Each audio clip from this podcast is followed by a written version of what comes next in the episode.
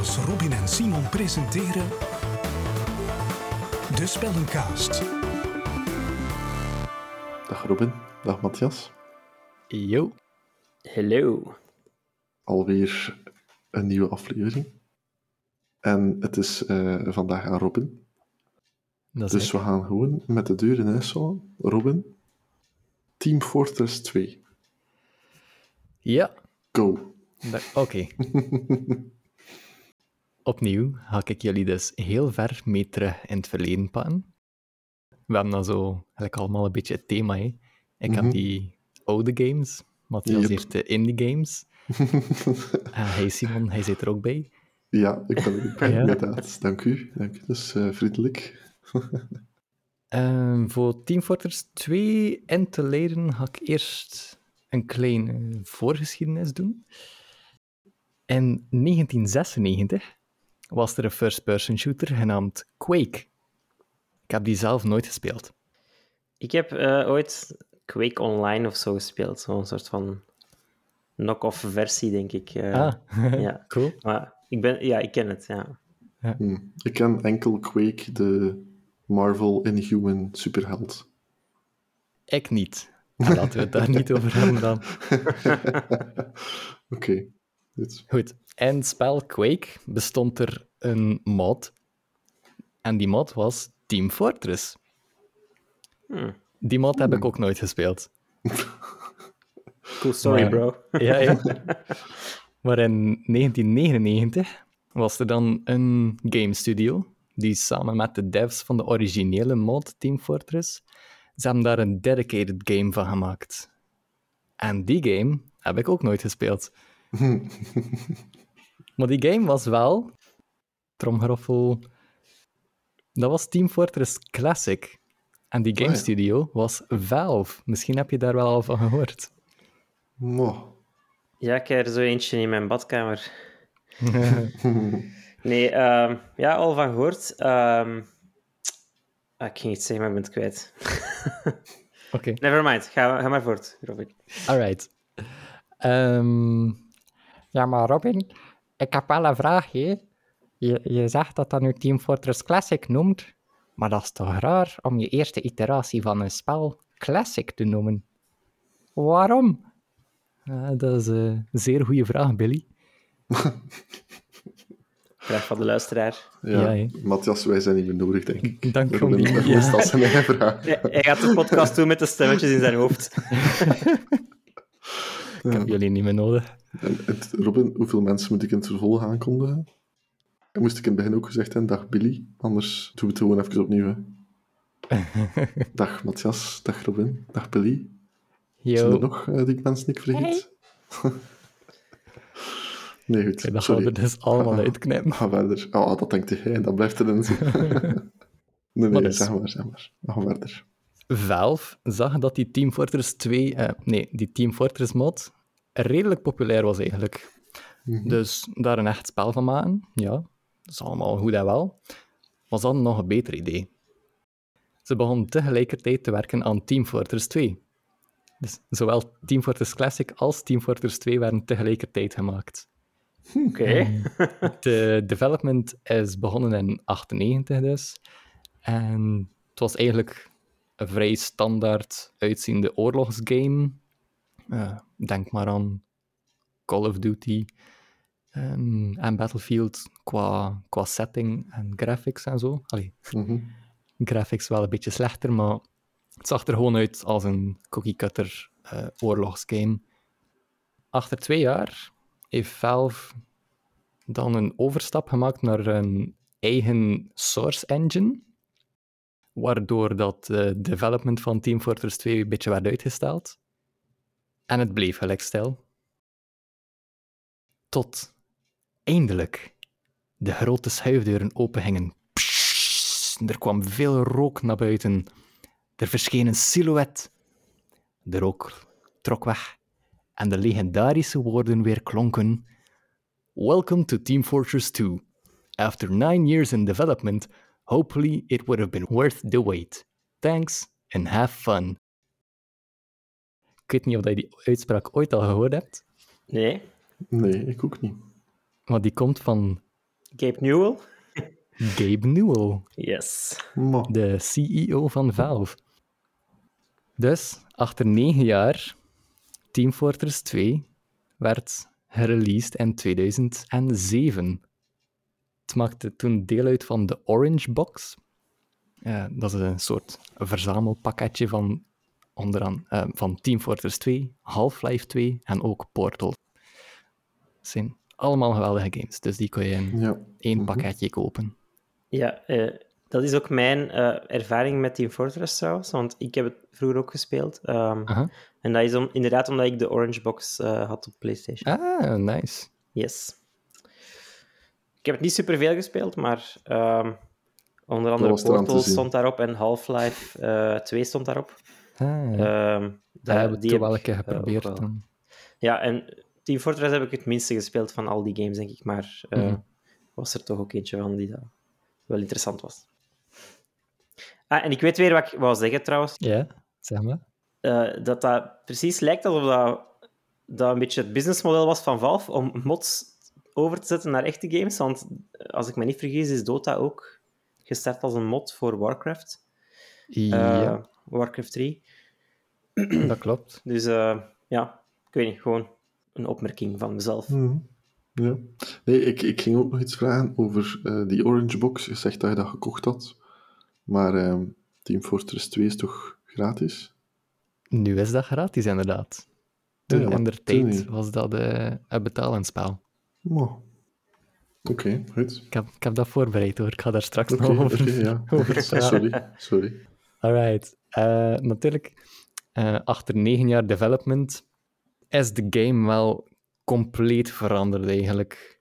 De, de donkere, deprimerende oorlogssetting hebben ze ingeruild voor die eerder kleurrijke en cartoony look dat we vandaag kennen in Team Fortress 2. Mhm. Het was nog altijd een first-person shooter, maar niet meer zo'n standaard van gewoon op mensen schieten met, met geweren. Er zit een, een klassysteem in Team Fortress 2. Eh, er zijn negen verschillende classes. En ze zijn echt verschillend van elkaar. Allemaal uniek. Mhm. En dat is wel grappig, want tijdens de playtest dat we samen gehad hebben, gingen jullie alle twee standaard naar de sniper. Ja. En de sniper is de... Ja, Meest vanille klasse. ja dat is echt de Ja. vanilla klas gewoon. Ja, de sniper rifle, je mikt en je schiet op mensen. Ja, ja dat is, eh, ik denk dat Matthias dat gezegd heeft tijdens de sessie ook. Dat is een soort houvast zoeken. Hè. Ja. hè. Een sniper is iets dat, als je iets van shooter al gespeeld hebt, dan ken je, allee, dan weet je wat dat is. Mhm. Dan weet je wat de bedoeling is. Letterlijk, je blijft van achter, je zet je ergens neer in een hoekje, je mikt en je schiet, en dat is het. Ja, ja, ja. Dat, Ja. dat snap ik wel dat je. Al, zijn- al die we zijn andere er een klassen zagen er zo exotisch uit en zo... ja, speciaal. We zijn er een beetje blind ingedoken ook, zonder tutorial of niks. Ja, dus- ik heb jullie er gewoon in ja inderdaad. Dus we wisten ook niet goed van wat kan elke klasse, wat doen die. En Mhm. dan zie je daar die sniper rifle en je, weet, je hebt zoiets van, ah ja, dat ken ik, ik weet dat doet pew pew en dat is het. dus Ja, dat ja. was inderdaad zo even de, de familiar... ehm, Ja, klopt. Simon is wel eventjes geventured naar de spy, denk ik dat was. Ja, het, heeft, Mhm. het was heel onsuccesvol. Ja, zeker spy is, is de moeilijkste klas wel. Ja. Het zag er heel interessant uit. Maar het is ook van mijn part had het niet in het spel moeten zitten zelf.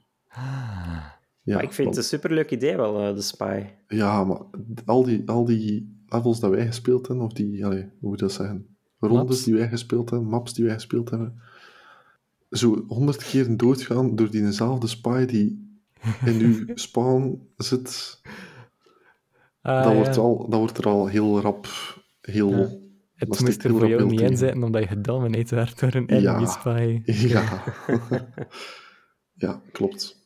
En van mij moest eigenlijk de hele andere team er niet in zitten in dat spel. Ik ga kleine samenvatting geven wel van al de classes. Want Oké. Graag. We hebben ze ook niet allemaal gespeeld. je hebt ze ook niet allemaal gespeeld. hè. Nee. Waarschijnlijk gaan we nu zoiets hebben van... Oh, had ik dat maar gespeeld. de classes hebben echt ook allemaal eh, een persoonlijkheid en ze zijn echt gebaseerd op stereotypen. Zoals, daar heb je bijvoorbeeld de scout, die loopt snel en die heeft een soort shotgun en Mhm. een baseballbat. Zo echt de, de Boston punk, ook met, zijn accent. Eh, daarnaast heb je nog de soldier. Die heb je ook wel Ja. gezien en gespeeld misschien. Ja, ja, ik heb die gespeeld. Die heeft een rocket launcher. Hij is meer gebaseerd op de World War II soldier. Dat een beetje, ja, misschien wel mentale problemen heeft overgehouden. Eh, dan heb je ook nog de Eh, Pyro. en zijn... ehm, had hij geen flamethrower? Oh, sorry, dat is de pyro. Dat is de Pyro. Ja, Ja, sorry. dat is eh, een psychopaat met een vlammenwerper, kort gezegd. Ehm, Ja, die, heeft Dat ook altijd, ook wel een leuke klas. Ja. die heeft ook een gasmasker aan. En als die voice lines zegt, klinkt dat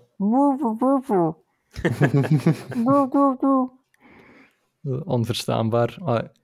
Je hoort ergens wel de woorden, maar het is zwaar gemompel. Mhm. Zalig. De vierde klas is de Demo Man.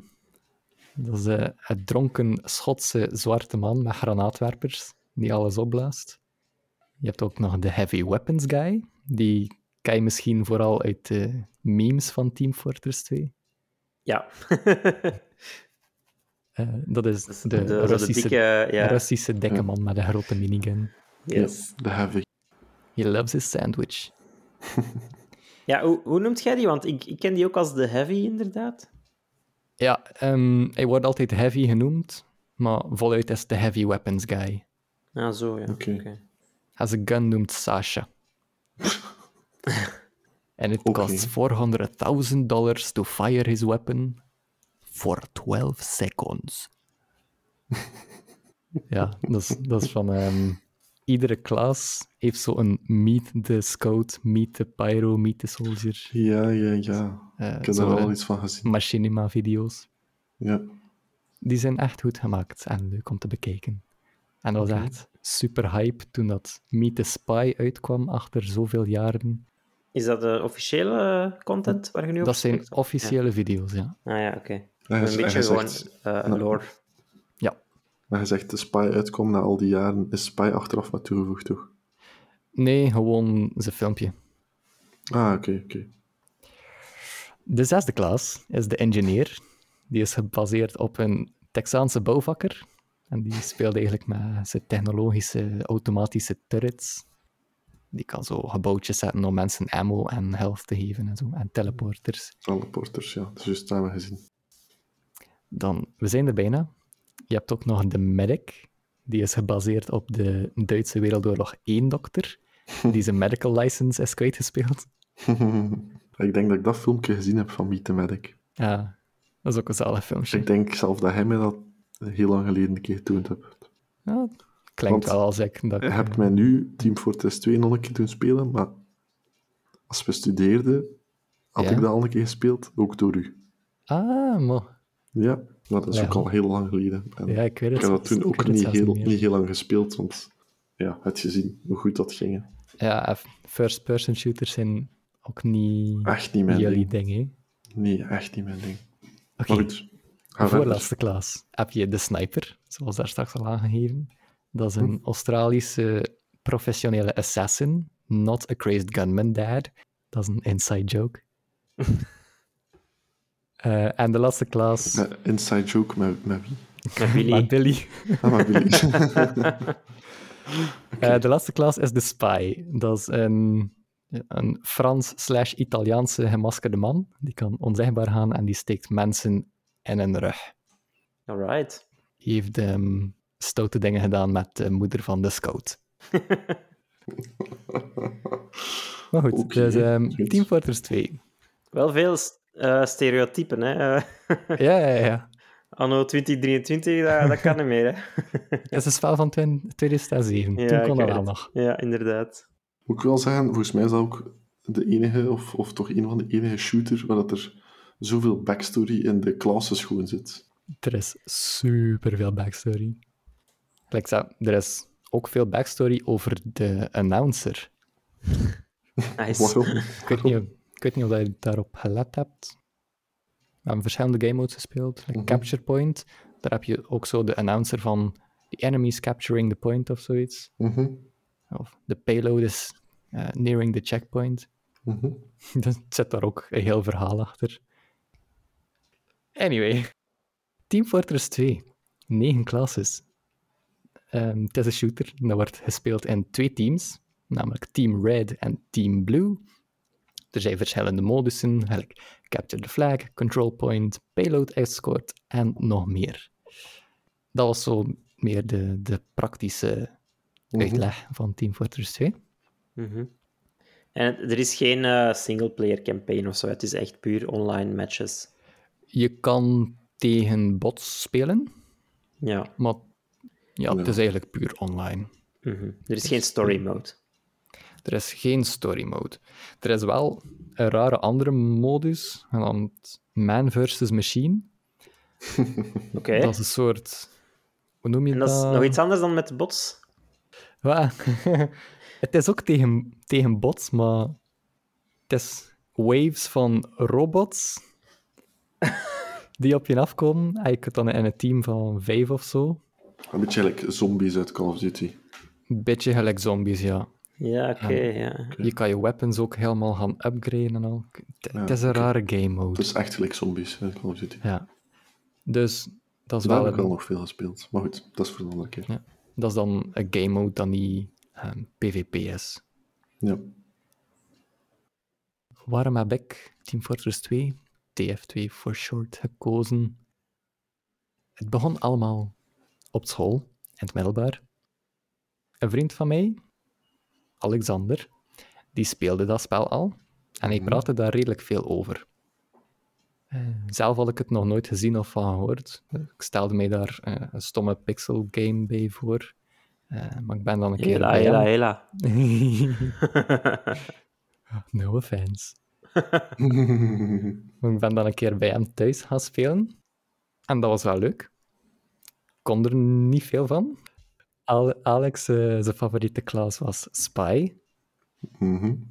Een van de wapens van de Spy is een sapper. Dat is een soort toestelletje dat hij gebruikt om equipment van enemy engineers te disablen. Hmm. Ik had dat niet helemaal door. Dus Alex was mij dan, ik weet niet wat aan het uitlachen, omdat ik mensen probeerde te sapen. En dan probeerde ik dat dan zo aan hen te bevestigen. En dan draaien ze erom en ga ik dood. Maar zo kon je de bots vinden in de match. Eh, goedje. Achter dat ik het gespeeld had bij hem, heb ik het zelf ook gekocht. Dat was in januari 2009. Twee jaar achter release, eigenlijk. Dat is al heel lang geleden. Dat is al heel lang geleden, ja. Heel, is- heel, heel lang Het is raar dat ik eraan terugdenk hoe lang dat, dat geleden is, eigenlijk. Ja, dat klinkt is niet zo- lang, hè? Het is vooral raar dat je al die datums nog weet. Ja. Het is alsof dat hij dat opgezocht heeft op voorhand. ehm, Maar heb- waar, waar zoekt je dat op? Had hij ergens een dagboek bij van? in Steam gekocht hebt? Kun je dat niet zien in Steam? Ah, ja, ja. In-game heb ik een item gekregen waarop dat er... allee, dat is een mercenary badge. En daar staat er mijn date of hire bij. Ah, Ik heb dat gekregen toen dat de game free-to-play is gegaan, als een soort thank you voor onze game te kopen. Hier is een useless cosmetic item voor aan te tonen dat je het gekocht hebt. Voor jezelf te onderscheiden van de free-to-play players. ja. Dus, eh, en heb je dat aan? ik heb dat aan, ja. Maar de free-to-play players die nu starten, die weten toch totaal niet waarvoor dat hier een badge is. Nee, maar ze zien wel van... Wow, hoe komt het dat die kerel al zo goed is? Ah, het is Robin. En hij speelde al, ik weet niet hoe lang eigenlijk. Ja, ja, ja. Eh, dat was in het middelbaar, januari 2009, ja. Eh, en we speelden dat samen via voice chat. Dat was niet was nog- via, niet dat was via nog- Discord En natuurlijk. dat was nog Teamspeak, zeker? Het was geen Teamspeak, het was ook geen Skype. Het was MSN. nee, het was ehm, de, de geïntegreerde chat van, van Steam. Via Steam Ah. kun je ook met elkaar bellen. Hè. Ja. Ah, echt? Zit. En der tijd zat er daar wel nog een beetje lag op. Bijna een seconde delay dat er eh, op de speech zat. Ondertussen waarschijnlijk niet meer, omdat niemand dat gebruikt. En iedereen via Ja. Discord belt. Ja, goed. Toen dat ik nog in het middelbaar zat, wouden mijn ouders natuurlijk niet dat ik tot eh, had in de nacht op de pc aan het spelen was. Dus eh, trokken de prijzen van de modem uit om tien uur. Jezus. ook, ook niet stept om tien uur.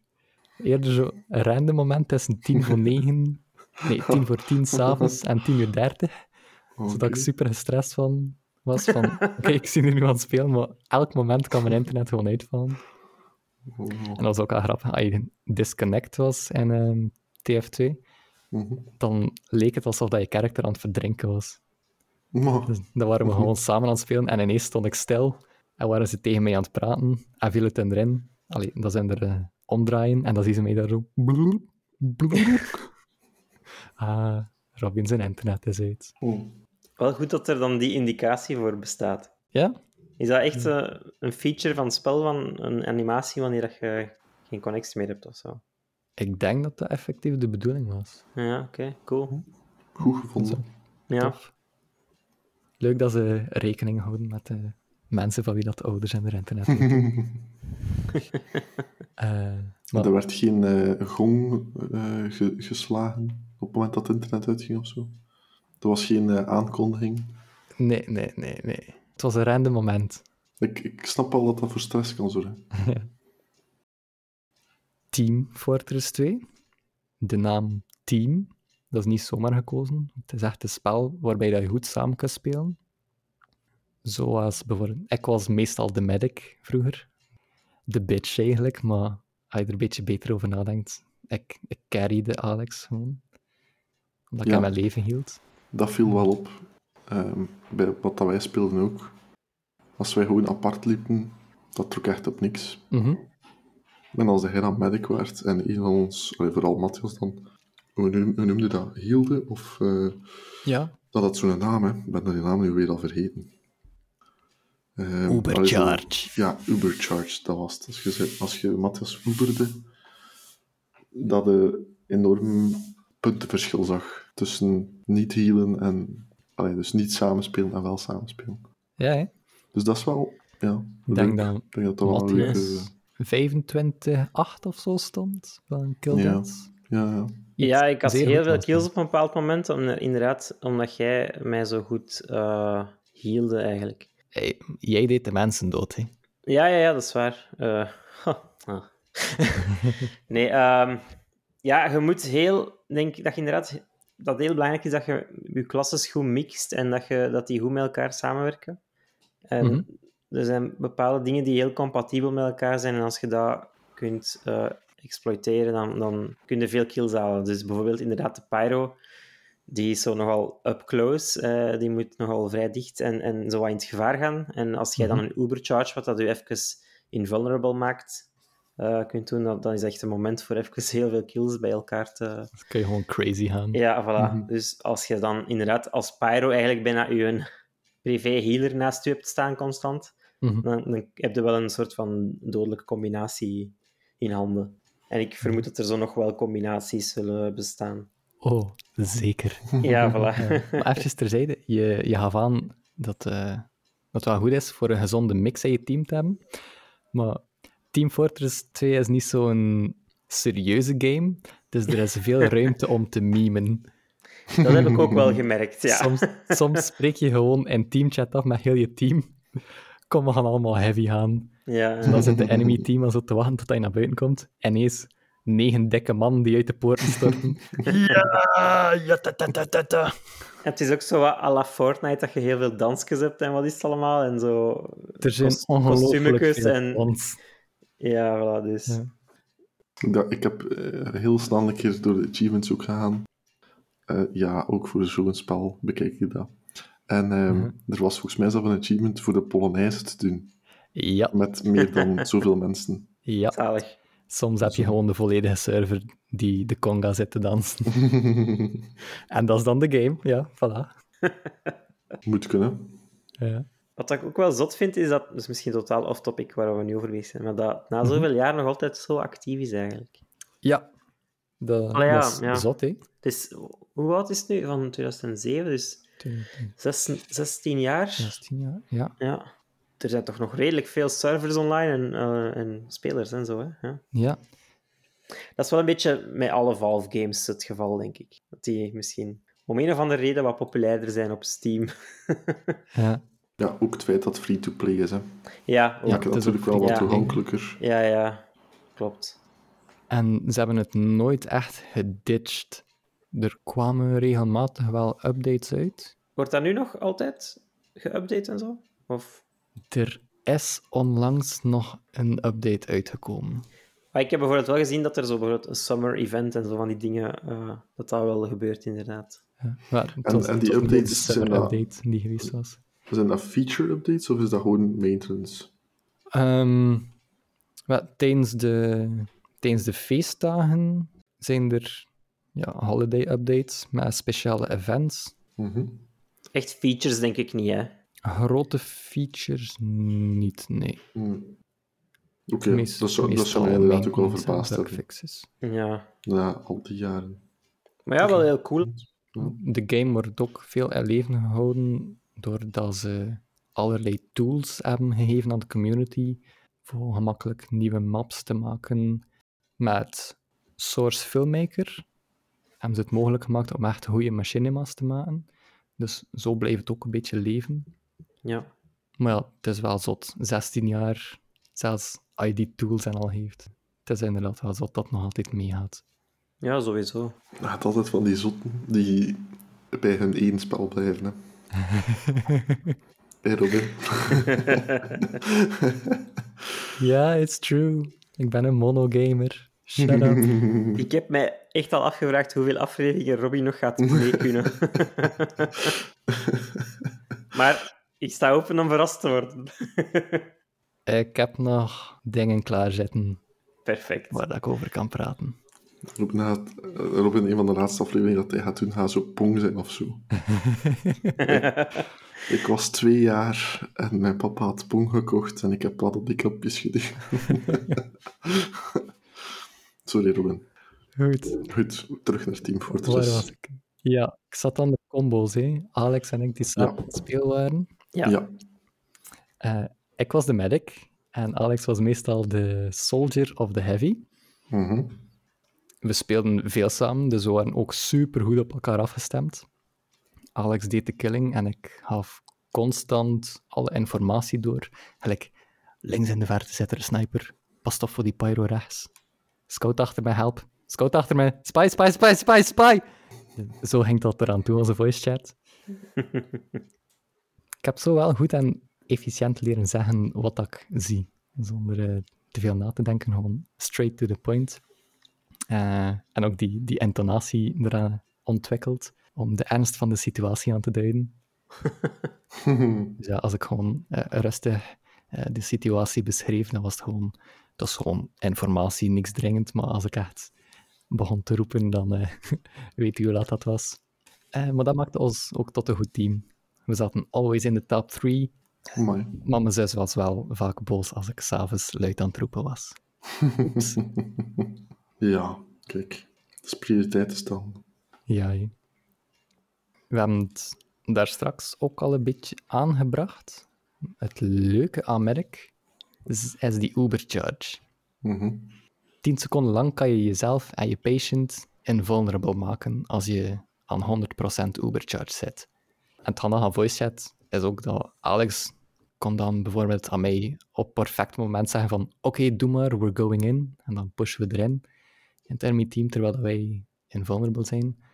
Eh, of omgekeerd kon ik ook ehm, zelf bepalen wanneer ik hem ging activeren eh, voor hem, of voor mezelf ook op het laatste momentje te rennen van een spy die hem ging backstabben, bijvoorbeeld. Mhm. Er zijn ook upgrades, of sidegrades, of soms downgrades voor weapons. En in een weapon slot kun je, kun je verschillende wapens plaatsen. Bijvoorbeeld Hmm. de medigun is de, st- de, de standaard van de medic. van waarmee dat je healt en waarmee dat je die Ubercharge hebt, kan je Mhm. ook vervangen door de zogenoemde Kritzkrieg. Die vervangt de invulnerability door 100% crit chance. Oh shit. Ja, Ja, ja, oké. en daar speelde ook veel, veel mee. We waren een keer in enemy territory, gewoon aan het, aan het lopen, niets vermoedend. En we komen om het hoekje en we zien daar eigenlijk heel een team in dat hoekje staan. Echt zo vijf, zes man. En we roepen dan zo van het verschot. Ah! Ik, ik activeer die Kritzkrieg. En alles gelijk in slow motion te gaan. Alles draait hem om. Hij smijt een, een sticky bomb recht in in het team. Eh, en een crit sticky doet basically insta-kill damage. En heel dat team in één keer ontploft. Eh, al de ledematen vlogen in slow motion rond ons. Eh, en toen hebben we ook een ehm, redelijk zeldzame achievement gekregen van minstens vijf kills en één explosie eh, halen. Dus Oeh. die leuke momenten, eh, Daar, daar doe je het voor. daar doe je het voor. Ja. En inderdaad, Simon, je hebt ook al naar de achievements gekeken. Mhm. Het zijn er 520, hè? Het is veel. Ze Dat is wel allemaal wilt completen. Ja, dat, eh, dat gaat niet gebeuren. Ja. Het ehm, Hoeveel heb jij er? ik heb er rond de 370, denk ik. Oeh, nog een lange weg te gaan. ja, ehm, van de achievements in mijn piekperiode heb ik er heel veel. Het zijn er later ook veel bijgekomen. Ah, ja. Dan heb ik niet de moeite gedaan. Veel van Ja. die achievements zijn ook met de nieuwe unlocks en zo. Mhm. Maar één achievement dat mij altijd goed is bijgebleven. En dat is een heavy achievement. Ik heb die zelf niet, maar het was eh, tijdens het samenspelen met Alex dat we daarvoor hingen. Die achievement noemt Crazy Ivan. Dat is een heavy achievement, waarbij dat je 50 kills haalt. Niet in één leven of zo, gewoon 50 kills. Maar de voorwaarde is, jij en je enemy moeten tegelijkertijd onder water zijn. Water Oh. komt niet veel voor in maps. En meestal wordt er ook niet onder water gevochten. Als mensen een heavy in het water zien, ze gaan daar niet gewoon op aflopen. Want een heavy close range is basically insta-kill. Mhm. Maar wij hadden daar iets op gevonden. Alex lag op de bodem. en ik was aan het oppervlak als hulpeloze medic. Ik aan het rondzwemmen en ik was voice lines aan het spammen. En ik, help, doctor, I require resistance. was ik zo hulpeloos aan het spartelen. En, dat lukte echt om mensen daarin te laten trappen en in, zijn, in het water mee te naar beneden, naar de dikke Russische man in het donkere water, die daar met zijn minigun... Dat was Wow. echt prachtig. Ze zouden dat verhaal nog kunnen verfilmen, eigenlijk. Ja, echt wel. Met de Source Filmmaker, hè. Ah, voilà. Gaat ervoor. Hoogstaande machinemaas. The, the Russian in the lake. Yes. Daar straks hebben we het ook al gehad over die weapon unlocks. Ja. In het begin viel dat- verliep dat vooral via achievements. Mhm. Hm, dat is wel nog leuk. Ja, hè? Ja. Dat was echt... Je had iets om naartoe te werken. Mhm. En dat was zo van... Ja, toch Het eerder was ook een- een klein waarschijnlijk een beetje soort prestige. ja, reward van skill. Ja. Ja. Voor de medic, bijvoorbeeld, Mhm. kon je de Ubersaw unlocken. Dat is een melee weapon voor de medic, waarmee dat iedere keer als je een enemy raakt met de Ubersaw, krijg je 25% Ubercharge. Mhm. Dus als je vier keer een enemy kan hitten, dan heb je volledige Ubercharge, waarmee dat je dus 10 seconden invulnerable kan gaan voor jezelf en voor je patient. Er is daar een leuke combo mee, genaamd Uberchaining. je moet niet altijd een medic en een soldier of een medic en een heavy gaan. Nee, nee. Alex en ik waren alle twee medic. Dus het startte gewoon als twee medics die op de klassieke manier de, de Ubercharge aan het verharen waren. Dus ehm, nuttig zijn voor het team, door ze te healen en zo. Mhm. Maar als er dan één van ons twee 100% Ubercharge had, hoehoe, dan begon het. Dan liepen we gewoon op de enemy af. De een was nog de ander aan het healen. maar die die van voorliep, had zijn Ubersa uit. En op het juiste moment activeren we dan de Ubercharge, zodat we invulnerable zijn. En starten anderen gewoon met inhakken met zijn, Ubertje, met zijn Ubersa op de enemy. Waardoor dat hij op zijn beurt 100% Ubercharge kreeg. En dat was, ja, switchke, als de Ubercharge ging uitlopen. En dat was het hele tijd zo weg en weer tussen ons twee. Eh, Nice. en het was wel stressy, want vier hits in 10 seconden. Dat is wel nipt, hè. Je hebt niet veel ruimte om eh, te missen. Nee. Allee, het klinkt misschien wel overpowered voor constant invulnerable te zijn, maar je moest er echt voor werken. En er waren ook stevige counters voor, maar de gemiddelde TF2-speler is niet zo slim. Ja, je moet ook je damage kunnen doen, want een medic is waarschijnlijk niet echt gebouwd om damage te doen. Ja, melee hits doen redelijk wat damage. Ah ja, oké. Twee tot drie hits en je kon iemand killen. Of als je een crit deed, was dat insta-kill gewoon.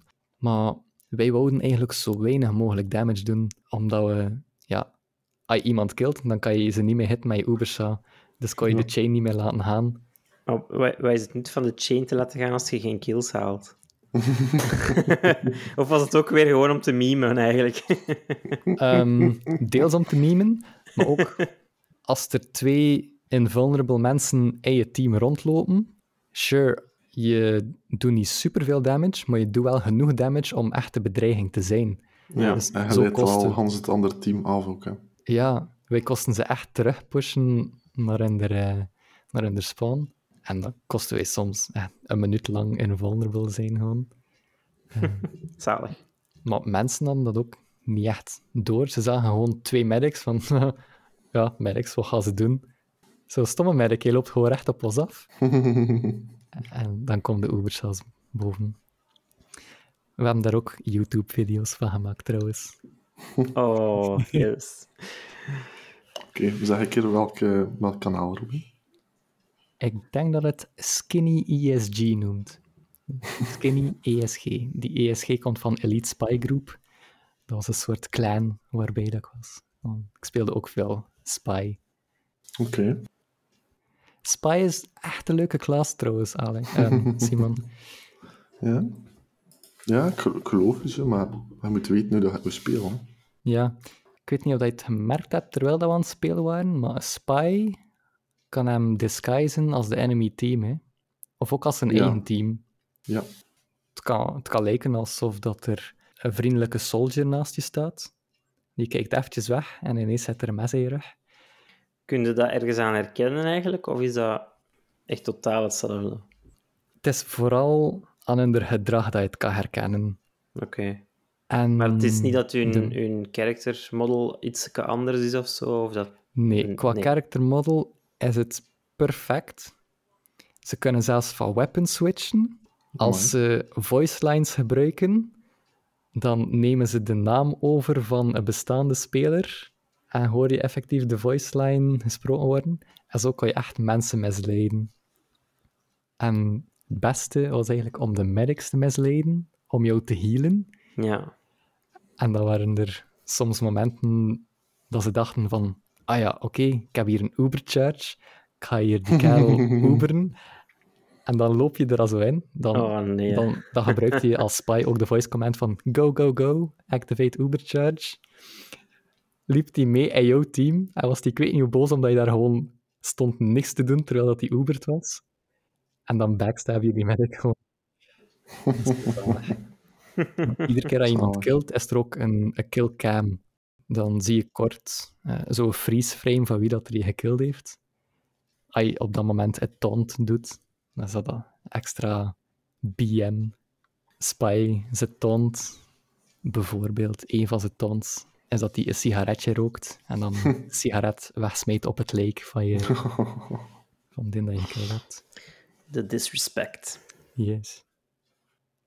Dan over een onderwerp dat je misschien van gehoord hebt, nog in der tijd. De befaamde hat-update. Nope. Dat was halfweg 2009. Ik denk het wel dat ik daarvan gehoord heb. Ja. Dat was een update. En via zeldzame RNG-item drops kon je hoedjes krijgen voor je characters. Dat was Loot, loot ongezien. crates, basically? Of...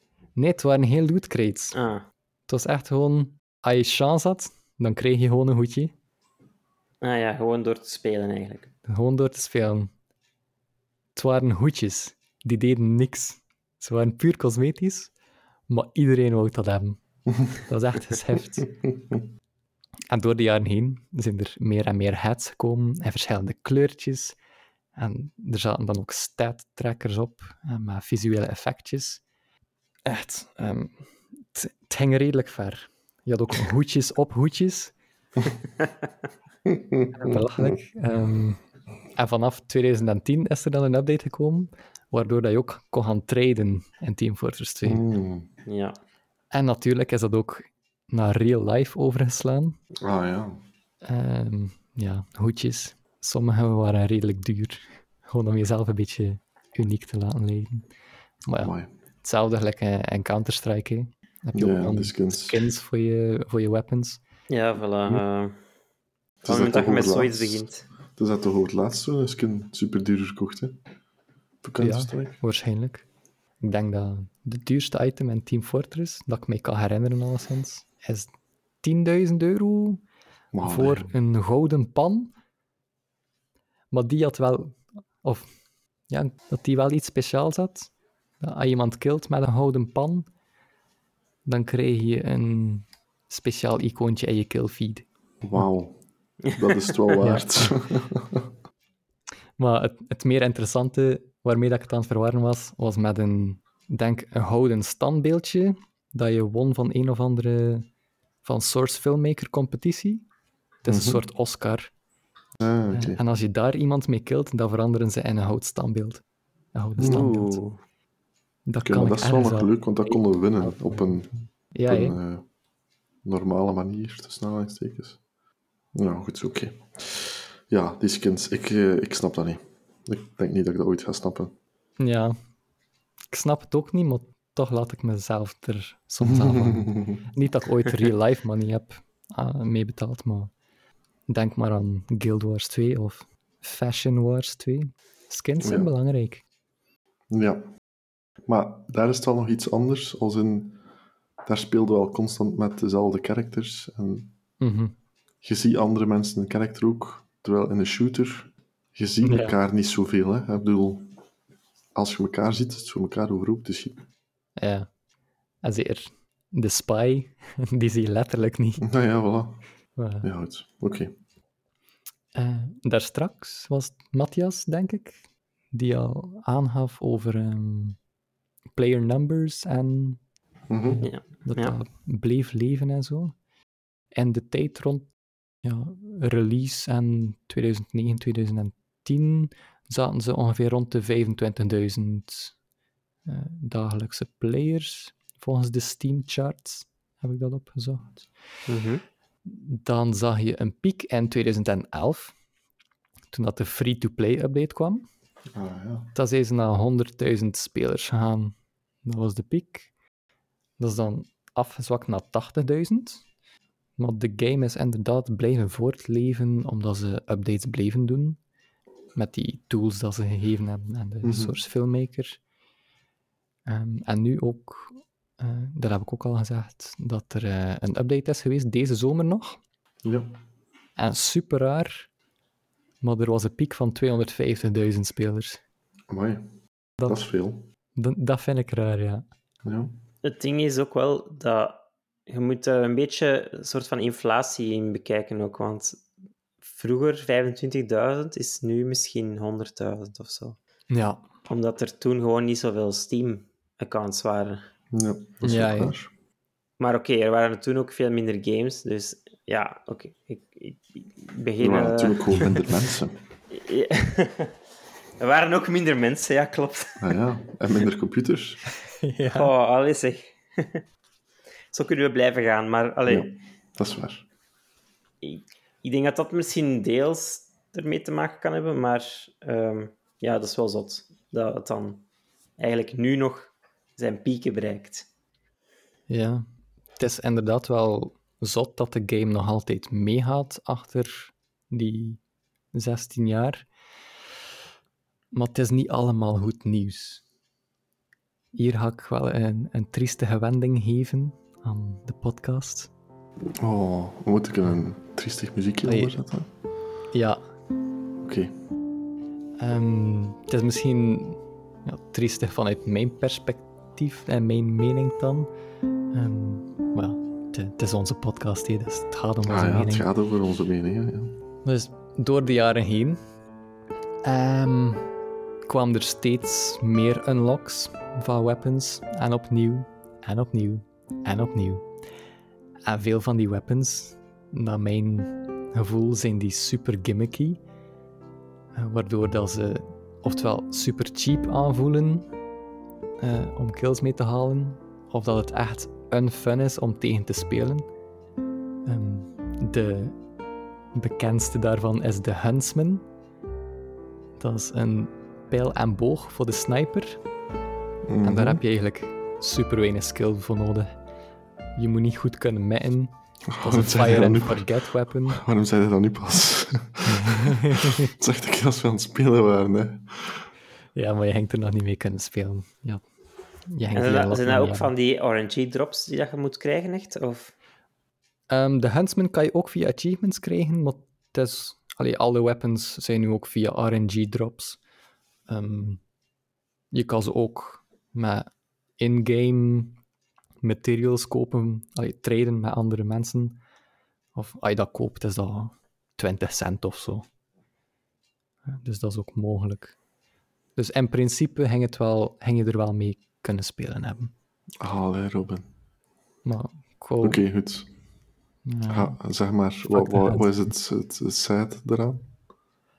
Ja, gewoon omdat ik, ik vind dat frustrerend, omdat je aan die cheap weapons doodgaat, of gewoon je had Nee, dood- ja. weer Haal een nieuw de, weapon. de skill er een beetje uit.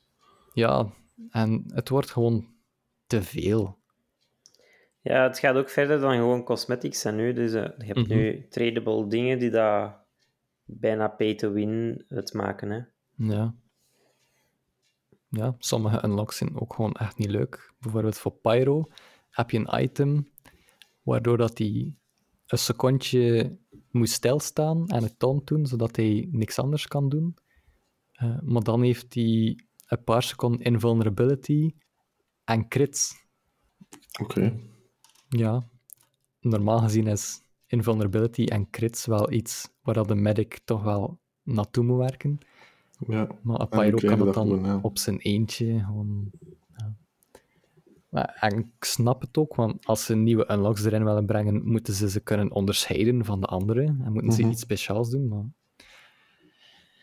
Ja, het werd te veel. Ja, je, kunt ene keer, je kunt ene keer een hoedje op een hoedje zetten voor nieuwe cosmetics te maken, maar je kunt er niet een hoedje op blijven zetten. Hè. Ja, Ja. Maar goed, ja. Dat is, eh, opnieuw is het ook te veel. Hè. ja. Iets dat wij ook gezien hadden, was eh, bots ja met een aimbot. Zijn er daar, allee, komt dat veel voor? Of, of wordt er Dat daar iets actief tegen eh, te doen? dat was letterlijk het volgende puntje wat ik ging Ah. zeggen. Het is alsof dat wij dat voorbereid hebben, Robin. Maar wij hebben het niet voorbereid. Ik heb het voorbereid. Ja, dat is waar. Dat is waar. In die jaren van updates is er ook een update gekomen waardoor dat de communities... ehm, ja, Team Fortress draaide eigenlijk vooral op community servers. Mhm. Maar dan kwam er een update waardoor dat die eigenlijk allemaal vervangen werden. Ze bestaan nog, maar Valve kwam met hun eigen matchmaking servers af. Ehm, dus de community servers waren zo goed als dood.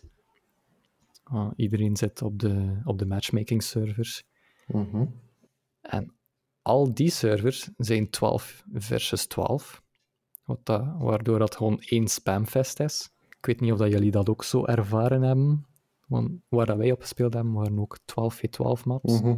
Wat bedoelt je met spamfest? Gewoon druk, in rond schieten of... Het was zeer druk en je Ja. had eigenlijk Ja. geen rust. En overal waar ik kwam waren er enemies en random rockets die voorbij vlogen of random stickies. Mhm. ja, dat is wel waar, Ja. ja. Het was ook, ja, ik vond dat je dat wel merkte als je ja, wij kozen alle twee sniper als eerste. Mhm. 12 tegen 12. Met een sniper zit er niks, hè. Want tegen dat je iemand ziet, staan er al twee ergens anders voor je neus. Ja, Je aan frieten te schieten. ja. Dus eh, ja, dat, was, eh, dat is waar. Het is druk. Ik bij de, bij de community servers, ehm, dan kon je zo voor de, de sweet spot gaan, like van 6v6 of 8v8. Dat was nog doenbaar.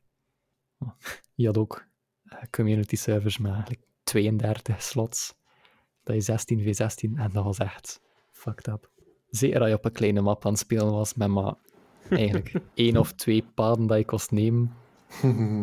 Combineert dan die spamfest met de overload van al die bullshit weapons. En dan is het ook echt niet meer leuk om te spelen. Ja, ja, tuurlijk. Mhm. Ehm, in 2020 is er dan ook een vrij grote leak geweest van de source code van onder andere Team Fortress 2, Aha. waardoor dat er heel veel bots en cheaters in het spel zijn gekomen. Mhm. En je hebt dat waarschijnlijk ook gemerkt, votekicken is niet makkelijk. Nee, inderdaad. Vooral ehm, de, de eerste bots en de script aan ze erin staan van als ze server joinen, dan veranderen ze hun naam naar de naam van iemand anders op die server. Dan wist je ook niet goed wie dat je moest kicken en werd je soms onterecht gekikt omdat er een bot jouw naam had gepakt. Ja, en je kunt enkel votekicken voor mensen in je eigen team. In je eigen team, ja. Wat een beetje averechts is, want als er iemand heel automatisch mikt in je team, waardoor je een voordeel haalt, gaat je die misschien niet willen wegkicken. Ja. En het is ook, als dat je teammate is die aan het cheaten is, dan ga je dat minder rap merken dan als je, als je enemy aan het cheaten ja. is. Met die matchmaking servers kon je zelf niet meer kiezen op welke server dat je ging. Dus je, je kon ook niet zeggen van, oei, op die server zit er een cheater, ik ga daar niet meer op gaan. Nee, soms werd je er gewoon vanzelf terug weer ingesmeten. En veel van de servers aan bots. Dus dat kon goed zijn dat je gewoon een half uur aan een stuk naar servers aan het zoeken was. Aan joinen, ah, het zet de bot op, leaven, volgende server, ah, het zit weer een bot op. ja. Dan is er heel veel protest moeten komen, waardoor dat Valve wel met enkele verbeteringen eh, afgekomen is. Bijvoorbeeld naam veranderen kun je niet meer doen, terwijl Ja, je op een server zit. Ja, dat net zeggen, eh. Maar het, is, ja, het gaat altijd een probleem blijven. Ze hebben de source code ook voor, eh, voor die bots te maken, dus ze kunnen Wel ja, veel, daar kunnen ze veel mee doen. ja, ik denk dat elk online mm, match-based game dat altijd wel gaat hebben, dat probleem. Mhm. Maar het was echt overdreven, hè, nu. Ja, ja, ja. Maar het, heeft ook, niet- het heeft ook niet lang geduurd voordat dat wij in tegenkwamen. Hè. Nee, maar ik moet wel zeggen, we hebben ook niet een heel half uur moeten wachten om een match te vinden of zo. We hebben wel drie, vier matchjes gespeeld en misschien Mhm. één van, van die vijf dan eh, was, was er een bot. Ja. Ah, dat is nog iets zo kloten. Ehm autobalance. Ja, als de, dat hebben we als ook gehad, hè. Ja, als we de joinen teams als groep. niet, niet gebalanceerd zijn. Ja, ah ja, we joinen als groep en de match begint en in één keer zitten Matthias en ik niet meer in, in uw party, of in uw team, maar in een ander team. Ja. En ja, En het, het is onmogelijk gemaakt om nog van team te veranderen. Die knop werkt gewoon niet meer in de matchmaking servers. En je kan ook niet als spectator gaan. Dus oftewel moet je een nieuwe server zoeken, oftewel moet je tegen elkaar spelen dan. Het is wel Mhm. vreemd inderdaad dat hij dan, dat hij dan geen rekening houdt met parties. Ja. Want je kunt wel een party starten met, met drie mensen bijvoorbeeld, maar dan zelfs daarin gaat hij die splitsing gaan doen. de eerste keer dat je server joint, ga je wel allemaal op hetzelfde team zitten. Maar van met dat er autobalance is, ga je, Ja. ga je naar het andere team gezwierd worden. En dan moesten wij opeens tegen die Robin met zijn badje van, eh, van 17 jaar of wat is dat? Ja, ja, ja. Maar ja, autobalance. Ik zweer het, als er geautobalanced is, het is altijd ik. Vaak zag je dat dan ook eh, in de chat verschijnen, autobalance in 5 seconden. En dan wist je al van, ja, salut, hé. ik zit aan het andere team. ja, dat is wel speciaal dat ze daar geen rekening mee houden. Je wel. Ja. Misschien gewoon nog eens eh, die free-to-play, je zei dat je nog eens ging verklaren waarom dat, dat is gebeurd. Heeft dat, heeft dat een beetje te maken met al die eh, cosmetics en die skins en zo, dat ze daar een nieuw monetization model hebben ge- gebruikt met microtransactions en zo? En, Waarschijnlijk hebben ze gemerkt dat hun sales van Team Fortress 2 wel naar beneden ging. Dus ze hebben het gewoon free-to-play gemaakt. En met microtransactions en met loot crates waarvoor je sleutels moest kopen om ze open te doen. nou ja, Dus ja. het was gewoon veel lucratiever. that sucks. Ja. maar ja, zo bleef het spel eh Ja, voilà. leven natuurlijk. dat is natuurlijk, ja, een, een afweging, maar dan nog. Ja. Maar ja, het was niet helemaal jullie ding natuurlijk, de first-person shooter. Vooral, Nee. vooral naar Simon kijk ik dan... Ik kan niet echt naar je kijken, maar... Ja, nee, ik snap het. Nee, ehm, ja, ik vond het leuk om met ons gedrieën Ja. te spelen. Maar ja, dat is een spel dat ik nooit alleen ga spelen. Verstaanbaar. En ik heb het op het moment zelf ook gezegd. Ik heb het bij Counter-Strike ook gezegd. Shooters, ik ben er gelijk te traag voor. Of ik zie dat gelijk niet rap genoeg. En ik kan mij daar ook niet aanzetten. Of, of ik zie daar ook gelijk niet, niet per se beterschappen. Eh, dus ja, we hebben het samen gespeeld. En ik heb het de avond, de avond zelf nog Gedelete. geïnstalleerd. Ja, dan heb ik toch een lichtpuntje voor jou. Dit is mijn laatste first-person shooter dat ik wil bespreken. Eh, Oh, maar ik... Pas op, ik ga nu iets zeggen. Hij gaat alle twee houden er vast van in de stoel vallen. Ik ben aan het twijfelen om binnenkort ook een shooter te bespreken. Pam, pam. Oké, Ja, ja, ja, ja. Ja, ik maar- kan me gelijk niet direct inbeelden welke. Of is Oh, wacht maar, wacht maar. Oké, ik denk dat ik wel weet welke. ja, Oei, ja, wa- ik zit vrij zeer eigenlijk. Wacht, wat? Is ben het ik wel benieuwd. N- Nee, maar dat was Nee? ook een mogelijkheid. Dat Ah, eh, ben ik nog aan het twi- twijfelen. Oké. Dan, dan ben ik al benieuwd voor de, voor Ja. de future episode. Ja, ja, ja. ja, kijk, toch al een kleine teaser voor eh, een eh, komende aflevering. Het zal niet de Oeh. volgende zijn, maar ergens in de toekomst. Oké. Ik vond het wel een heel leuk spel. ehm allee, Ah, ja? vond. Ja, ehm, ja, heel verslavend ook. Allee, Mhm. eh, en, en het is gewoon echt goed, hè. Maar inderdaad, ik ik het Verslavend zelf... Verslavend hoe? De, de fast-paced. eh, Ja, gewoon, het is zo, inderdaad, het is leuk om die kills te halen en je wilt er meer en meer. En, en zo'n matchje is rap ge- gepasseerd, dus je denkt nog eentje. En Ah, ja. ja, voilà, ik heb ook nog maar twee of drie klasses getest, dus ik, ik heb wel zoiets van, ik wil, ik wil nog wel wat meer spelen van dat spel. Ik weet nu niet of ik het direct ga doen, want Mhm. inderdaad, het is niet mijn, mijn first go-to. Ehm, en er zijn zoveel andere games dat ik prioriteit zou geven waarschijnlijk. ja, Maar eh, ik, ik vond het wel heel leuk en cool. ik, ik, ik, zou het, ik zou het nog willen spelen, dat wel. Great. En het is natuurlijk ook echt een, een enorme timesink. Hè. Ehm, deze soort games, allee, eens dat je eraan begint, Ja, een je wilt, je goed, ja. je wilt wat goed goed beginnen worden, worden en ja. dan zijn de rap ja, 100 uur kwijt of whatever. Ja. Ja, ik heb het nog niet vermeld in de episode, maar... Raad een keer. Oh god. ehm. dat is al 16 jaar dat je het speelt. dus 2000, 2000 uur. Oké, Simon? Ik ga er dan een schapje bovenop doen, hè. 2500 uur. Bijna? 4000. Robin. Maar, er is een grote maar. Oei. Dit is eigenlijk een 2-in-1 episode. Wow. Want ik wil het ook wel graag hebben over een ander spel. Oei. Namelijk Team Fortress 2. Matthias, Robin en Simon presenteren... De Spellencast. Eh, De jumping. Ja, jullie hebben door. Oh, de jumping.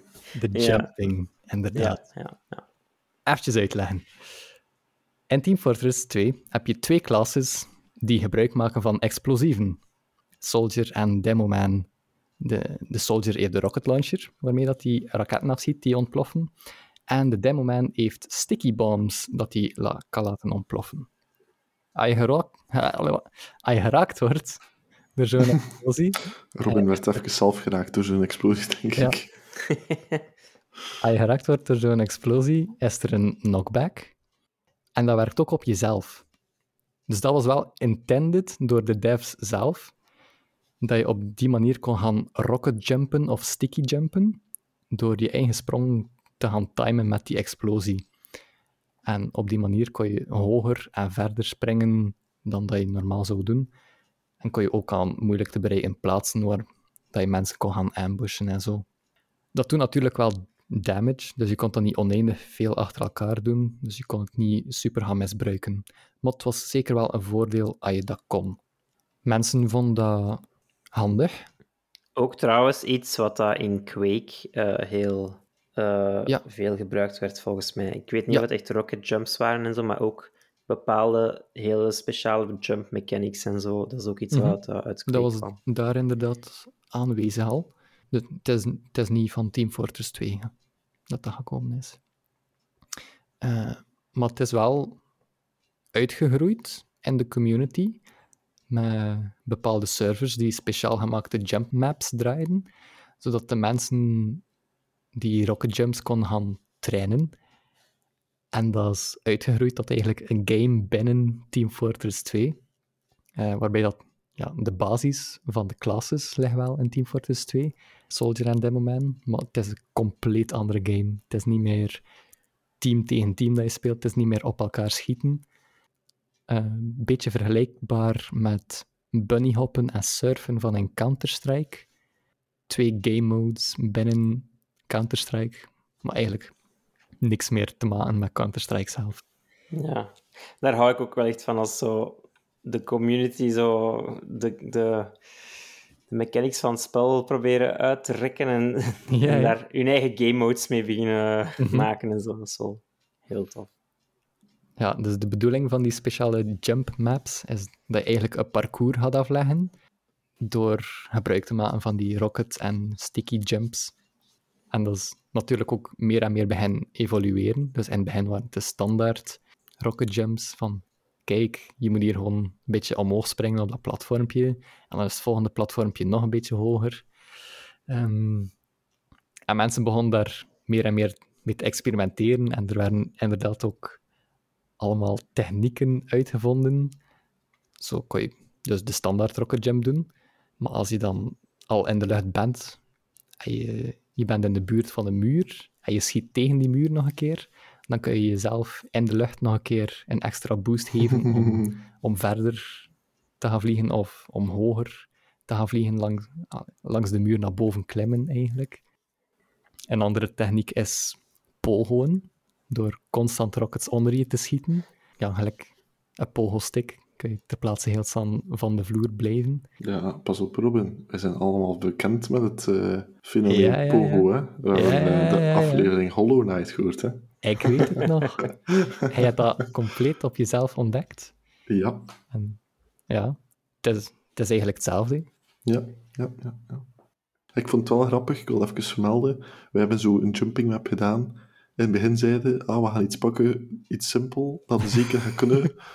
en na drie jumps was dat onmogelijk. Ja. We moesten gelijk een jump drie keer op de muur nog doen en dan, terwijl we naar beneden vallen, nog een raket afschieten om dan bij landing nog een keer hoger te vliegen. Allee, eh, ja. niet zo, niet zo beginner-friendly. Dat was een kleine Oh. inschattingsfout van mij. maar en, dat zijn wel Maar- leuke jumps. Dat noemen sync jumps, waarbij je eerst naar boven klimt en dan laat je je vallen door de zwaartekracht en je rocket heeft een bepaalde snelheid. Maar jij valt sneller dan je rocket, dus je kan hem inhalen. En als je dan op het juiste moment het tweede rocket afschiet, dan kun je eigenlijk met twee rockets tegelijkertijd omhoog vliegen, waardoor dat je super ver naar boven vliegt. Er zijn ook maps gemaakt waarbij dat je bijvoorbeeld, ja, je begint al van van boven, dus je moet gewoon naar beneden vallen. Maar ehm, op bepaalde punten tijdens je val kun je landen op, eh, op, een, eh, op een kleine ledge, waar dat je kan wachten totdat je rockets voorbij komen. Dan spring je er weer achter. eh, en dan schiet je weer een nieuwe rocket in je bundeltje. dat kan eigenlijk oneindig lang doorgaan. Maar meestal wordt er met vijf rockets gewerkt. Dat noemt een quint sync jump. En dan, dan vlieg je echt super hoog. En dat is zo zalig als je ze allemaal perfect kan bundelen en gewoon omhoog vliegen. Ik weet niet hoe hoog. Het is zo, zo bevrijdend. En zo komt je dus aan 4000 uur. Ja, maar ik kan net zeggen, ehm, de tijd die je daarin moet steken, voor daar goed in te worden, Robin. Waarom? Dat vraag ik mij altijd af. Ik vind dat ook heel creatief als je zo in een spel met zo bepaalde mechanics en in een keer zo'n ander soort game mode begint te maken. Super tof. Maar wie houdt er hem daarmee bezig? Voor daar zo, zoveel tijd in te steken. Want op zich, als je nu gewoon Team Fortress 2 bekijkt, Mhm. als je dat gewoon speelt, en je speelt dat veel, dan krijg je je rewards en je drops en je, je Mhm. stats en weet ik veel allemaal. Maar, maar bij dit, wat, wat heb je daaraan? Is dat een soort community prestige ding of zo? Ik denk dat het meer is persoonlijke overwinning of zo. Ja, Dat is, dat is gewoon een, een challenge en je wilt dat voor je eigen proberen De- doen. de game mode is inderdaad heel skill-based. Het is eigenlijk alleen maar skill-based. En het gevoel van accomplishment, als je een jump kan overwinnen, dat is leuk. Het spreekt mij ook aan dat bijvoorbeeld timing een heel belangrijk aspect is. Mhm. Eh, voor sommige dingen moet je echt bijna frame perfect zijn. Eh dat noemen we bijvoorbeeld speedshots. Dat is een soort bug, waardoor eh, als je de grond aanraakt, dan behoud je eigenlijk je momentum voor een paar frames, eh, waardoor dat je nog niet onmiddellijk gaat afremmen dus. En als je in die frames eh, je rocket kan timen, dan heb je nog je momentum van je beweging daarvoor en ook die nieuwe explosie waardoor dat je supersnel gaat bewegen. En ja, dat is gewoon... Dat geeft voldoening als je zo op het juiste moment het juiste kan doen. Gelijk in elke... In alles wat dat mensen doen, is er daar ook een, een rankingsysteem in gekomen.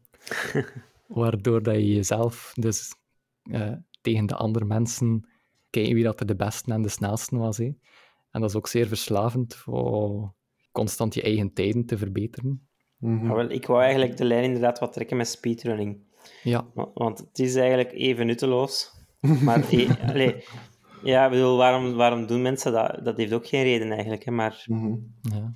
En, en ook qua ehm, Ja, daar, daarom exploiten van, soort van bugs en community zo. ding was. Ja. Hè. Eh, speedrunning, dat is ook Ja, meestal voilà. community-based. Hè. Ja, voilà. Ja.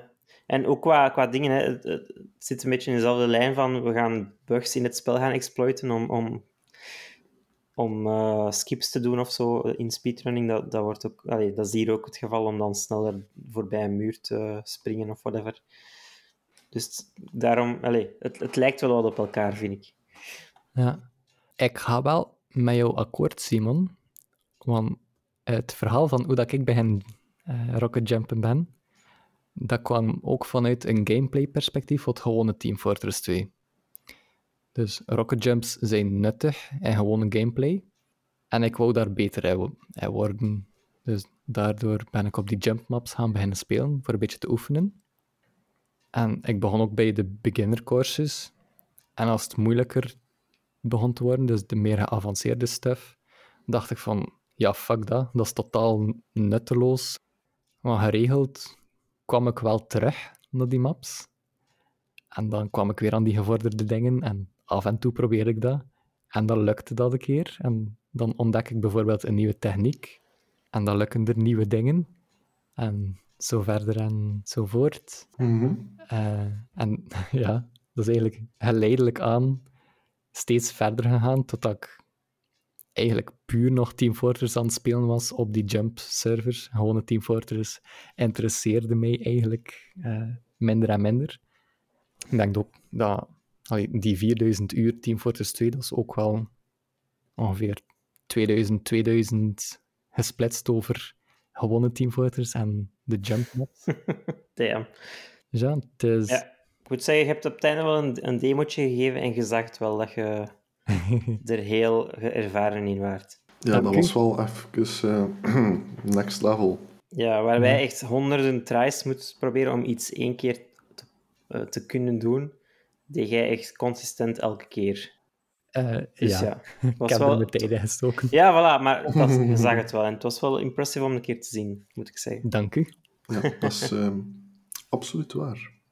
Ik ga daar nu een klein beetje meer uitleg aan geven en een beetje stoeven met mezelf. Ik heb het over die ranking system gehad. Hè. Mhm. Die, die servers, dat was de, de Tempest Network servers. En dat was eigenlijk de, de toonaangevende ranking system dat er was. En daar ben ik rank 34, was, hem, was mijn piek geweest. Dus rank 34 van de ongeveer 25.000 mensen die dat aan het doen waren op dat moment. Amai. En in 2016 was dat. Nice. Nationaal niveau werd ook meegerekend. En daar was ik nummer 1 van België. Van, van de 600 entries die er waren. Dus een beetje minder, maar toch nummer 1. Ja, nice. De laatste jaren ben ik gestopt met jumpen, maar allee, mijn algemene rank is eh, uiteraard wel ver naar beneden gezakt. In België, toen ik mijn voorbereiding deed, was ik nog altijd nummer 1. Gisteren ben ik nog een keer ingelogd en zag ik dat ik 10 puntjes eh, gezakt ben, waardoor ik nu nummer 2 ben geworden uiteindelijk. Ah, Oh, we, zitten, we zitten hier dus eigenlijk gewoon met een kampioen. Een beetje wel. Een beetje wel. Mooi. Maar tijd om zit wraak dus, te nemen ook dan, hè? maar hij zit dus nu gestopt met jumpen, zeg je. Ja, Dan is, ik denk, de vraag van al onze luisteraars... Zijn er nog aan het hakken?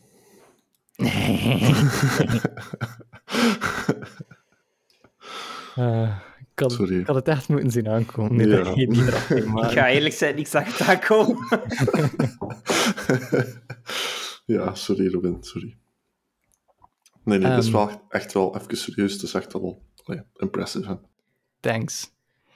En ook over deze modus, ehm, waar ik zeg dat ik Team Fortress heel leuk vond, en, maar het minder mijn ding was, deze is eigenlijk echt meer mijn ding. Ja, ja. Eh, dat is platforming en hij wel- speelt dat is- graag. Dat is ja, voilà. ja, En, ja. en ook gewoon het feit dat het zo hardcore is en zo challenging. En ik zou je echt dat- gevolgd zijn tot op het einde van de map als ik kon, maar eh, Simon wou, wou opgeven. Dus... Simon kon niet mee.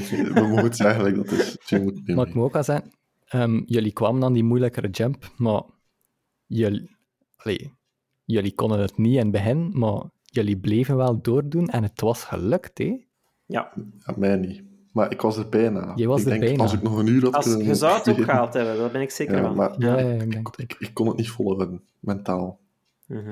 Ik stond, als ik nog tien minuten had moeten doen, ja. dan... ehm, het was effectief wel zo dat ik door had van, oei, het begint hier een beetje moeilijker te worden dan dat ik voorzien had. En dan zei ik van, ah ja, maar ehm, ik ga anders gewoon een makkelijkere map voor jullie zoeken. En Matthias, nee, ik wil doordoen. ja, daar kan ik dan niet tegen. Als ik... nog een reden dat iets voor Matthias is, ehm, is dat het gemaakt is door zo drie gasten in eh, een kelder of in een slaapkamer. Het, het echte indie-verhaal. ik, ik, ben, ik ben fan van goede games gewoon. Het maakt niet uit van waar ze komen. Ja. Of het indie is of niet, het moet gewoon een goed spel zijn. Maar ook, inderdaad, ik, ik, ik heb wel veel geduld en ik, ik challenge mijn eigen wel graag. Dus Mhm. ik, ik, ik ben niet zo direct iemand die gaat rage quitten of zo. Dus Mhm. dat is wel up my alley, zo'n challenge. Simon, je, Mhm. je gaf zelf ook al aan dat je het mentaal niet kon volhouden Nee. voor dezelfde jump opnieuw en opnieuw en opnieuw te doen. Ik denk dat we daar 20 minuten bij dezelfde staan Ja. Simon zeker. Ja, ja.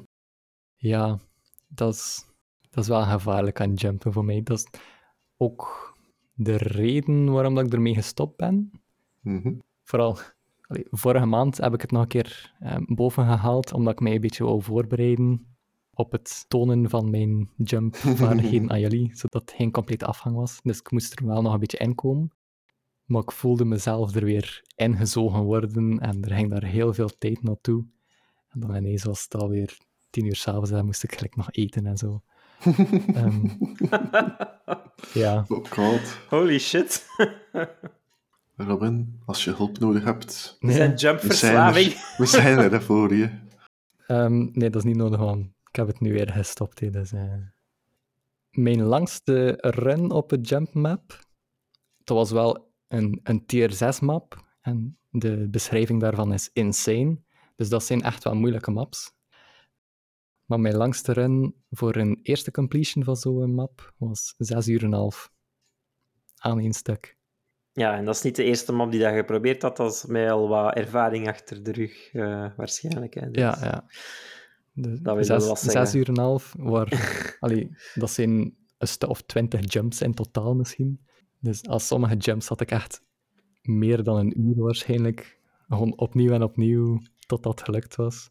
Ja, en dat is gewoon blijven proberen als je die ene pixel perfect, frame perfect moment eh, toevallig haalt. Hè. Ja. Ja. Dus, Ehm, dus ja, je hebt wel wat doorzettingsvermogen nodig. Ja, dat is ook een van de redenen waarom dat ik minder fan ben van jouw games, want dat zijn vaak roguelikes. Omdat je zelf terug in die trap gaat vallen of zo. Ja, dat, dat zijn gevaarlijke games voor mij. ja, dat snap ik. Ja. Speedruns van rocket jumping zijn een beetje gelijkaardig aan die roguelikes. Het handige aan rocket jumping is wel dat je met checkpoints zit achter iedere jump. Dus als je ene keer ergens voorbij geraakt, dan zie je er ook effectief voorbij. Tenzij dat je wil speedrunnen en zo rap mogelijke tijd wil neerzetten. Ja, dat moet daar beginnen. Dat, dat is ook wel gevaarlijk. Soms kan ik uren spenderen om uiteindelijk één goede run te hebben die gewoon een minuutje en een half duurt of zo. Ik heb er toch wel uren aan gezeten. Maar ja, met die checkpoints heb je toch ook wel het gevoel van progression. Dus het is toch nog beter dan roguelikes. Fuck roguelikes. Wauw. goed. Robin, mijn volgende game zal een roguelike Ik heb trouwens nog maar één keer een roguelike voorgesteld, just saying. er komen er nog. Team Fortress, ik heb er veel op gespeeld, maar het gaat een leuke herinnering blijven. Ik ga het niet opnieuw spelen. Is het, eh, is het voor altijd gedaan nu? Ja, het kruipt te veel, in, te veel tijd in rocket jumping en de gewone Team Fortress 2 vind ik niet meer leuk met al de, de bots en de spam servers en al de unlocks.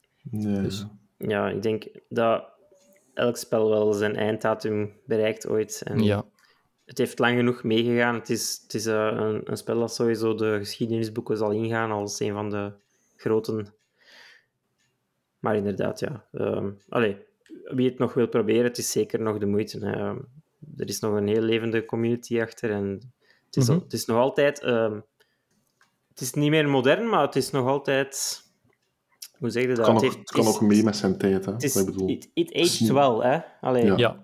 Ja. het is niet volledig gepasseerd. Het is Ja, niet voilà. passé of zo. Maar... en er zijn nog 80.000 actieve spelers, dus ja, sowieso mensen vinden om mee te spelen. Waaronder Ja. 60.000 bots.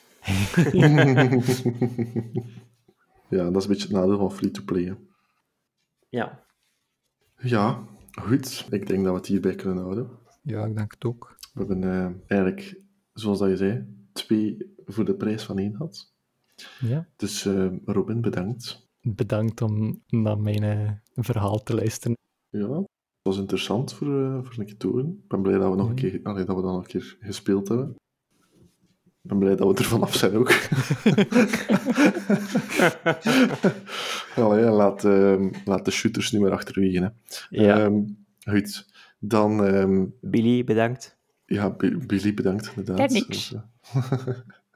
Ehm, heb ik jou bedankt, heb ik Billy bedankt. Dan bedank ik nog onze luisteraars. Dan ga ik nog een keer zeggen: liken, sharen, subscriben, retweeten, delen. Een gele briefkaart. Hele briefkaart mag zeker ook. Ehm, Disliken. En- Ah, nee. nee, disliken niet. Dat mag niet. Dat is niet toegestaan. Nee, goed, dan. ehm, dan zien we jullie volgende maand op Spellenkastcon. En Expoent. Ja. Ja, ja, ja. Het zal misschien een beetje groot zijn, maar... eh, nee, goed, dan... Misschien binnen ehm, een paar jaar. Ja, wie weet, hè, wie weet. Nee, goed, dan eh, horen we elkaar een volgende keer voor, ehm, voor onze twaalfde aflevering. Je bedoelt aflevering XII. Ik bedoel aflevering XII, inderdaad. Ehm, goed, Matthias en Robin, salutjes. Dada! Doei. Bye.